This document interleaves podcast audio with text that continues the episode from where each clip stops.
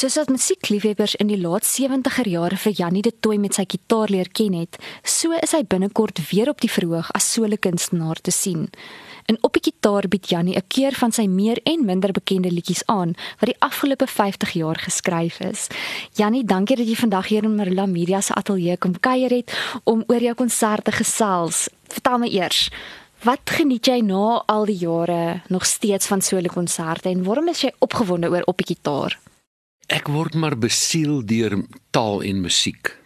En heerlik om saam met ander mense te werk. Dit is mos lekker om in 'n span te werk, veral as jy so geseënd is om regtig oor die algemeen dat ek eintlik nie soos ek is 'n musikant maar ek werk nogal saam met musisi. Jy weet die ouens wat behoorlike opleiding gehad het en so aan. En uh, altyd heerlik om saam met die cello, die klavier, die fluit, 'n ander stem en gitaar wat saam met my speel, 'n a cappella groep wat saam met my sing. Dit alles gebeur nog baie met my en ek is vreeslik dankbaar daarvoor. Maar so elke nou en dan dan land ek by 'n paar vriende, vat sommer die gitaar en speel vir hulle. En so van tyd tot tyd dan sê die vriende vir my luister, hoekom doen jy dit nie 'n slag weer nie? Hoekom klim jy nie weer 'n slag op die verhoog en bied 'n volledige program so aan as wat jy nou vir ons sommer net so hier in ons oë sit en kyk en vir ons sing en speel nie. En ek het al hoe meer toenemend gedink Ja, dit is eintlik 'n vreeslike oulike idee. Ek is so lus daarvoor. En ek dink, jy weet, uh ek dink dis mos nou maar algemeen bekende feit ons musikante soek mos maar altyd werk. En as ek dan nou net met my vroutjie in die kar wil klim en sommer vir 2 weke gaan rondry, dan is daar ander mense wie se dagboeke in ag geneem moet word en uh, dit raak so klein bietjie meer ingewikkeld. Nie dat ek 'n probleem met daai ingewikkeldheid het nie, maar die lekker eenvoud daarvan, net in die kar te klim, jou gitaar te laai, 'n luisprekertjie jou vroutkie as hy tyd het om saam te gaan en te gaan musiek maak vir mense. So ek is eintlik vreeslik opgewonde. Die gedagte van ons optrede hier by Atterbury of my optrede, ek sê altyd ons want dit is nooit net ek nie, maar goed, hierdie Sondag die 25ste dan nou net ek is juis om nou die bekendstelling te hê van die program op die gitaar en dan van daar af beplan ek so vir die volgende paar jaar gereeld ook die programmetjie aan te bied terwyl al die ander nog voortgaan. Dit is Sondag die 25ste Junie. Sondag die 25ste. Dit is so. Ja, 25 Junie in die Atterbury Theater. En ons het dit spesiaal 3:00 in die middag gemaak. Almal sê tog dis deesdae nie baie lekker, veral as mense van my leeftyd sê ons, is nie vir ons lekker om in die aand uit te gaan nie. Dis is kos maak in die middag. As ook nog heerlike eetplekke daar in die sentrum waar mense heen kan gaan. Die konsert word in samewerking met Pretoria FM gedoen, is dit Ja, reg? ja, ja. En hoe het dit gebeur? Wil jy dalk iets daaroor sê? Man, ja, kyk, 'n ou is te dankbaar as daar 'n uh, aanbod kom dat uh, mense bereid is om hande te vat. Al mense in situasies soos julle sinne, Radio Pretoria sinne, waar klomp mense luister en waar wel ek is baie lank in my lewe 'n Pretoriaaner gewees. En uh dit ek voel my tuis in Pretoria en ek besef ook dat 'n samewerking van so 'n stasie wat presies daar op die regte plek is, dan is 'n mens maar altyd dankbaar. Oor die jare het daar talle liedjies uit jou pen verskyn. Ek bedoel, ek dink nie eers jy weet self waarskynlik hoeveel liedjies jy geskryf het nie. En party was uiteraard meer gewild onder jou aanhangers en ander dalk minder bekend. Watter minder bekende liedjie is een van jou gunstelinge en gaan jy dit by die konsert sing? Ek gaan verseker dit by die konsert sing. Ek sal nou eers moet dink om watter een ek praat want beslis dis wat ek gedoen het. Ek het my eie gunstelinge gaan kies. Redelike persentasie daarvan nogal bekend, maar daar is beslis daartussen liedjies wat meeste mense nog nie sal van, van weet nie, miskien omdat dit nie eintlik op die speellyste was nie. Ek dink nou maar aan 'n liedjie wat ek geskryf het oor Christa, saam met wie ek vir ja, 25 jaar van my lewe gewerk het, 'n volle 25 jaar wêreldwyd gereis het. En toe sy oorlede is, nou ons praat nou op hierdie 15de Junie met mekaar en dis die dag toe Christa sou verjaar. Maar ook die die dag waarop sy 11 jaar gelede begrawe is.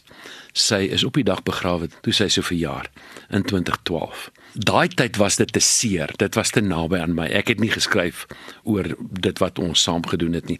Maar so 'n paar jaar gelede het ek besef nou is die tyd ryp. En ek het die liedjie geskryf. Sy titel is Sy genade is genoeg. Dis die woorde wat Christa vir Koenie de Villiers gesê het. Toe Koenie op die Kwela program vra gevra het Christa Sê vir my, ons het nou oor 'n klomp dinge gepraat, interessante goed, lekker gelag en alles. Maar sê vir my, soos jy nou hier sit, hoe voel jy nou?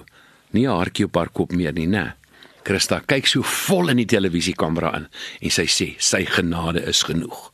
Ek het geweet wat die titel van die liedjie moet wees. Sy genade is genoeg. Maar toe ons nou die verwerking doen, toe besef 'n mens jy wil aanhaal uit haar musiek. So ek het die woorde en die musiek geskryf, maar daar's 'n tussenspel wat lank is en ek kan my voorstel dit sal waarskynlik nie deur 'n enkele radio op die speellys gesit kan word nie want dit is te lank. So niemand ken waarskynlik eintlik die liedjie behalwe die mense wat my 'n CD gekoop het. Uh Oesjaar is hy opgewees 2018, Oesjaar 2018. Dis die jaar toe ek dit geskryf het. Miskien moet ek net so ietsiekie die eerste woorde vir jou sê. Sy was geseënd ver bo duisend ander. Die wonder van musiek, haar reisgenoot. Van altyd af sy geglo, dis alles net geleen. Sy het graag gesê waar kom haar hulp vandaan. Dis hoe ek haar geken het. So afgesien van 'n liedjie vir jou. Ja, ek almal onder ken. Nee, nee, nee. Ek gaan nee, hierdie is- sing, maar ek gaan nie daai lang stuk. Ek kan onmoontlik nie probeer om Christa se musiek op die gitaar te speel hier tussendeur nie. Van haar wonderlike instrumentale komposisies, maar ek gaan beslis ons twee, wat ook miskien bietjie minder bekend is. Ek weet nie of jy hom al raak geluister het ooit nie, maar ek is vreeslik trots op die liedjie. Ek het die voorreg gehad om saam met Anna Davel op te neem jare gelede. Ek dink dis waarskynlik een van my mooiste liefdesliedjies. Ek gaan hom verseker sing. Daar's 'n liedjie met die naam van Vrede vanaand. Uh, ek vertel altyd graag die storie oor hoe hy ontstaan het. Ek het hom opgeneem op my album Palet vroeg in die 9, sê maar 1991 as ek dit reg het. En hoe die liedjie ontstaan het, is ek het gesit en kyk na die televisie, na 'n nuusberig of 'n nuusbulletin. En heel in die begin van die nuus, die groot nuus, daar's vrede gesluit op 'n plek in die Midde-Ooste. 'n Verskriklike oorlog het tot 'n einde gekom. En wie wat later in daai selfde bulletin toe vertel hulle van 'n nuwe oorlog wat uitgebreek het. Nou jy weet dit het my so geruk. Dis die soort van ding wat 'n mens inspireer en ek dink dis een van my mooiste liedjies. Ek weet nie hoe bekend hy is nie. Party mense gaan hom onthou van Palet af. Beskyk, ek het vanaand gehoor daar's weer 'n oorlog aan die kom. Daar's dan nog spore van gister se bomme. Nog 'n 1000 lope word geolie vir die stryd. Soos van tevore word swaarde geslyp. Daar's liedjies wat mense dalk nie gaan vind en wat te lekker is want ek gaan ook vertel waar kom die liedjie vandaan in my program natuurlik. So afgesien van liedjie vir jou, watter ander liedjies is nog baie gewild? Dis amper al liedjies wat jy weet wat amper by elke vertoning weer gevra word. Ja. Ek kan van my eie noem mense sê nog altyd vir my 3 uur in die môre, sing weer vir ons 3 uur in die môre, sing weer vir ons volgende winter of sing vir ons cholesterol wat ek saam met ons groep in die 70er jare geskryf en opgeneem het. Maar eh, daar's ook natuurlik en dit is nou ook die groot verskil hier. Uh mense sal baie vir my vra vir Koos Du Plessis se gebed. Hulle sal vra vir Madeleine van uh, Jacques Brel is sal vra vir die ego van jou oë van uh, Gisela de Villiers. Maar hierdie keer het ek besluit ek gaan net my eie liedjie sing. So ek gaan letterlik 24 van my eie liedjies sing. Die oudste van hulle het ek 50 jaar gelede, ge- presies 50 jaar gelede geskryf, so 2 jaar nadat ek nou ernstig betrokke geraak het by musiek. En dit is Rosa Rosarum, 'n gedig van A.G. Visser wat ek as 'n standaard twee kindjie op vrootvlei geleer het. Kan jou aanhangers nuwe musiek verwag? Die jongste wat ek geskryf het was in 2018. Ek was van toe af net te besig om te sing.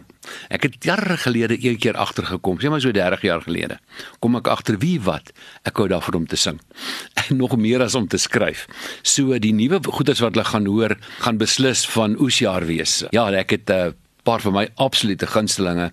Ek dink soos die tyd aangaan, glo mens mos hopelik vorder jy en ek dink van my beste musiek het ek geskryf in 2018 toe ek oesjaar 2018 gemaak het.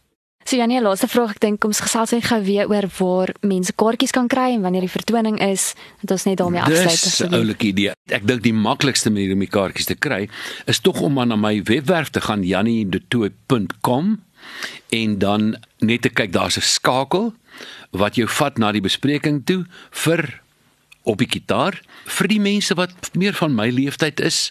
As jy dit moeilik vind om so op so 'n skakel te bespreek, dis terloops by Seat Me, maar die lekker ding wat Atterbury ook aanbied is jy kan enige tyd bel. Lieflike mens daar by die skakelbord Stefanie. Sy's so dierbaar. Mense het my nou al gebel en gesê wie hoe vriendelik is die meisiekind. Sy het die ou oom met haar gebel en sy het gesê oom, moes sê vir my, hoe kan ek help?